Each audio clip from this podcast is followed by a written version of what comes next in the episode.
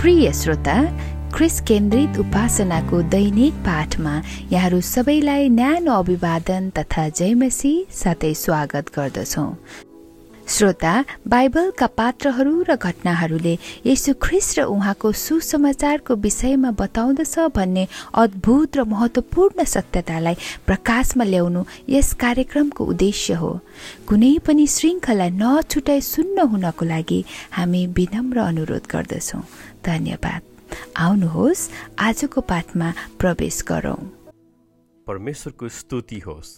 श्रोता हिजोको श्रृङ्खलामा भाषाले छरपष्ट पारेको समाजमा परमेश्वरले मानिसका घमण्डको विरुद्ध न्याय गर्न भाषा खलबलाइदिई विभाजित भएको समाज पेन्टिकोसमा उहाँले आफ्ना मानिसहरूलाई अन्य भाषाहरूमा बोल्ने क्षमता दिनुभई मानिसहरूलाई पुनः आफ्नो निम्ति यसुमा एक गर्नुभएको थियो भनी अध्ययन गरेका थियौँ। आज उत्पत्तिको पुस्तकबाट परमेश्वर जो छर्नुहुन्छ र जम्मा गर्नुहुन्छ भन्ने शीर्षकमा अध्ययन गर्नेछौँ। भाग तिस। उत्पत्ति दस अध्यायमा आज फर्केर हेर्दा हामी नुवाका छोराहरू सेम हाम र एपेतका माध्यमबाट आएका राष्ट्रहरू अथवा राज्यहरू वा साम्राज्यहरूको सूची भेट्दछौँ। उनीहरू फलदायी हुँदै गइरहेका थिए तर परमेश्वरले आज्ञा गर्नुभए बमोजिम नौ अध्ययको एकमा तिनीहरू पृथ्वीमा चारैतिर फैलिनु पर्ने थियो तर उनीहरू फैलिएका थिएनन्। बरु उल्टै एकै ठाउँमा एउटा ठुलो सहर निर्माण गरी आफ्नै निम्ति एउटा ठुलो नाम कमाउने पो इच्छा गरे। तर परमप्रभुले मानिसहरूका सन्तानले बनाइरहेका सहर र धरारा हेर्नलाई तल आउनुभयो र आफ्नो आज्ञाको विपरीत काम गरेको देखेर दण्डस्वरूप तिनीहरूको भाषा खलबलाइदिनुभयो र तिनीहरू संसारभरि छरपष्ट पारिदिनुभयो तिनीहरू साँचो परमेश्वरको उपासना गर्ने एउटै परिवार हुनु पर्थ्यो। त्यसको सट्टामा ती तितर बितर भए र आफन्तहरू बीच नै युद्ध गरिरहे। यसरी तितर बितर भएको जातिको वंशावली अध्याय दसमा हामी पाउँदछौँ। नोवा र उनका तीन छोराहरू एपेत हाम र सेत। एपेतका छोराहरू उनीहरूका वंश र भाषा अनुसार र उनीहरूका देश र जातिहरू साथै सबै अलग अलग भएर जताततै फिजी। हामका छोराहरू कुश मिश्र र कनानको रूपमा देशहरू भए। ती राष्ट्रहरू अन्तत सेमका सन्तानहरू इजरायलको विरुद्ध युद्ध गर्न गए। अब हामीले बुझ्नुपर्ने कुरा चाहिँ यो वंशावली मोसाले हामीलाई किन प्रदान गरिरहेका छन्? जबकि बाइबल अध्ययन गर्दा यी वंशावलीहरूमा हाम्रो ध्यान त्यति जाँदैन। छिट्टै पाना पल्टाएर नजरअन्दाज गर्दछौँ। तर एउटा महत्त्वपूर्ण सन्देश मोसाले तत्कालीन उनीहरूको स्थितिलाई यहाँ बताइरहेका छन्। यी वंशावलीहरूले यसमा इजरायलको अन्य जातिहरू वा देशहरूसँगको सम्बन्धको बारेमा पनि स्पष्ट बताइरहेको छ। अध्याय दसले यस पृथ्वीको प्रत्येक समूहको विस्तृत जानकारी नदिए तापनि वा सूची नराखे तापनि यस पुस्तक इजरायल जातिलाई लेखिएको थियो किनकि उनीहरू मिश्रको दासत्वबाट स्वतन्त्र भएका थिए। त्यसकारण यी हिब्रू जातिलाई चिन्ने मानिसहरूको बारेमा यहाँ समावेश गरिएको छ।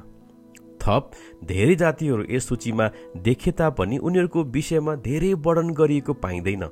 मोसाले हामीलाई एपेतको सन्तानको बारेमा थोरै मात्र बताएका छन्। किनभने तिनीहरू पेलेस्टाइनबाट धेरै टाढा थिए। तर यहाँ हामी हामको सन्तानको बढी व्याख्या गरिएको पाउँदछौँ जसको वंशमा मिश्र अर्थात् इजिप्ट बाबेल अर्थात् बेबिलोन अस्सुरिया अर्थात् निनबे जस्ता शक्तिशाली जातिहरू यहाँ भेट्दछौँ जुन आफैमा आश्चर्यजनक कुरा छैन। किनकि ती तीन जातिहरू जो साम्राज्यहरू पुरानो करारको अवधिमा इजरायलका सबैभन्दा घातक शत्रुहरू थिए। परमेश्वरका मानिसहरूप्रति उनीहरूको विरोधले उनीहरूको बुवा हामको खराब प्रकृति झल्काइरहेको छ र कनानको वंशलाई सर्पको सन्तानसँग जोडिएको कुरा नोहाको श्रापले स्पष्ट पारेको हामी देख्दछौँ। शैतानले पनि हामका अरू धेरै छोराहरूलाई आफ्नो पकडमा लिएको हामी देख्दछौँ। निम्रोदलाई पृथ्वीका पहिलो शक्तिशाली पुरुष र प्रभुको सामु एक शक्तिशाली सिकारी थिए भन्ने भनाइले परमेश्वरले उनलाई अनुग्रह देखाउनु भएको छ भन्दा पनि सृष्टिकर्ता पनि उसको सामर्थ्यबारे सजग हुनुहुन्थ्यो भन्ने सङ्केत गर्दछ। किनकि उनको परमेश्वरमाथिको अविश्वासको कारणले नै बाइबलको स्थापना भएको स्पष्ट देख्दछौँ जहाँ प्रभुले मानव जातिका भाषाहरूलाई खलबल गरिदिनु भएको थियो। उत्पत्ति दसले नोवाका सन्तानहरूबाट आएका यी सत्तरी जातिहरू वा साम्राज्यहरूले अन्तत पृथ्वीभरि जाति जाति अलग अलग भएर जताततै फिजिएको हामी देख्दछौँ। तर यो तितर बित्तर र युद्ध भइरहेको कथा अन्त होइन। एकजना मानिस आउँदै हुनुहुन्छ जसले आफ्ना मानिसहरूलाई भेला गर्नुहुन्छ र उनीहरूलाई फर्काउनुहुन्छ। यो वंशावलीले यो पनि बताउँदछ कि कुल पिताहरूले प्रतिज्ञा गरिएको स्त्रीको सन्तानको व्यग्र प्रतीक्षा गरिरहेका थिए। यो कुरा लेमेकले आफ्नो छोरा नोवा जन्मिँदा राखेको भनाइबाट थाहा पाउँदछौँ कि उनले यसो भनेर उसको नाउँ नोवा राखे। परमप्रभुले श्राप दिनुभएको भूमिको हाम्रो काम र परिश्रममा यसले हामीलाई शान्ति दिनेछ। हरेक वंशमा यो स्त्रीको सन्तानको प्रतिज्ञाको छोरा आफ्नो पुत्र हो कि भन्ने आशाको साथ मानिसहरू बसिरहेका थिए। लेमेकले पनि नोवापो हो कि त्यो प्रतिज्ञा गरेको सन्तान जसले हामीलाई त्यो श्राप र पापबाट मुक्त गर्नेछ। यसरी सबै पुर्खाहरूले त्यो प्रतिज्ञा गरिएको स्त्रीको सन्तानको पर्खाइमा थिए। त्यसो हो भने आज अध्ययन गरिएको परमेश्वर जो छर्नुहुन्छ र जम्मा गर्नुहुन्छ भन्ने कुराले कसरी यसो ख्रिस्ट र उहाँको काम र उहाँको सुसमाचारको विषयमा बताउँदछ त। नोवा पनि त्यो प्रतिज्ञाको सन्तान हुन सकेन। नोवाको छोरा सेमका वंशबाट अब्राम जन्मे अनि अब्रामको सन्तानको रूपमा यसु ख्रिस्ट आउनुभयो। यसु ख्रिस्ट जब यस संसारमा आउनुभयो उहाँले फैलिँदै आएको त्यो श्रापलाई उल्ट्याउनु भयो लुकाले बताउँदछन् कि उहाँले आफ्नो सेवकाईमा यसपछि प्रभुले अरू सत्तरीजनालाई नियुक्त गर्नुभयो र आफू जान लाग्नु भएको हरेक सहर र गाउँमा आफूभन्दा अगाडि तिनीहरूलाई दुई दुईजना गरी पठाउनुभयो लुका दसको एकमा। यहाँ उहाँले पृथ्वीका सबै कुनामा भएका सबैलाई पुनः एकीकृत गर्न सुरु गर्नु भएको चित्रण हामी देख्दछौँ। एक दिन उहाँले यो जम्मा गर्ने कामको समापन महिमामय तरिकाले गर्नुहुनेछ। अध्याय दसमा तितर बितर भएको सत्तरीजना जातिहरूको प्रतिनिधित्व गर्ने काममा यीशुले यहाँ अहिले सत्तरीजनालाई पठाई जम्मा गर्ने काम गर्दै हुनुहुन्छ। श्रोता बाइबलले बताउँदछ कि उहाँ फेरि आउनुहुनेछ। सबैले मानिसका पुत्रलाई ठुलो शक्ति र महिमासँग बादलमा आउँदै गरेका देख्नेछन् र पृथ्वी र स्वर्गको सबैभन्दा टाढाबाट सारा संसारका आफ्ना चुनिएका मानिसलाई जम्मा गर्न उहाँ आफ्ना दूतहरू पठाउनुहुनेछ मर्कुस तेह्रको छब्बिस र सत्ताइसमा हामी यो पाउँदछौँ। श्रोता कति महिमित आशा। यसो नै त्यो प्रतिज्ञाको सन्तान हुनुहुन्छ जसले हामी माथिको आदमको श्राप र पापलाई उल्ट्याइदिनुहुन्छ जुन काम उहाँले आफ्नो क्रुसको मृत्युमा हाम्रो सट्टामा रगत बगाई गर्नुभयो। यसु तपाईँलाई र धेरै मानिसहरूलाई आफूमा जम्मा गर्दै हुनुहुन्छ उहाँको हुन। तपाईँ आफ्नो पापको स्वीकार गरी तपाईँको निम्ति गर्नुभएको बलिदानलाई विश्वास गरेर तपाईँ यो उद्धारमा सहभागी हुन सक्नुहुन्छ।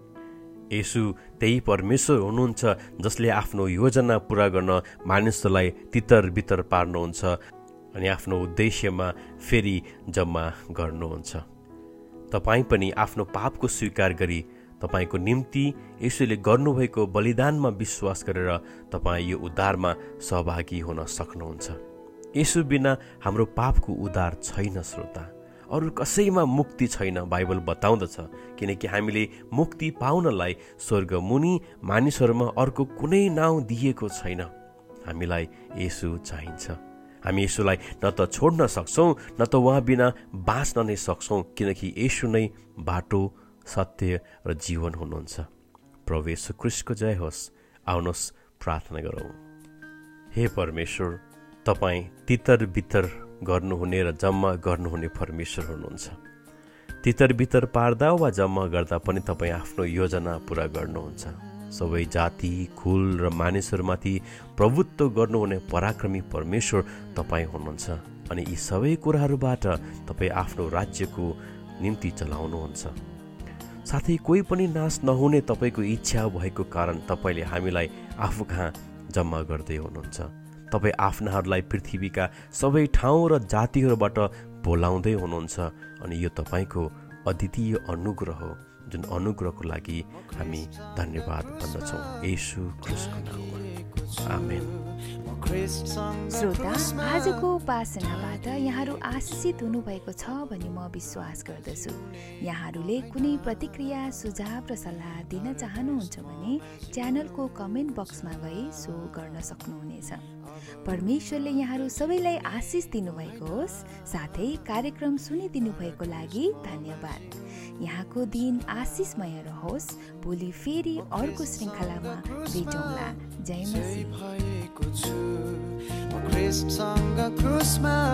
विजय भएको छु। अब कहिले म हार्ने छैन।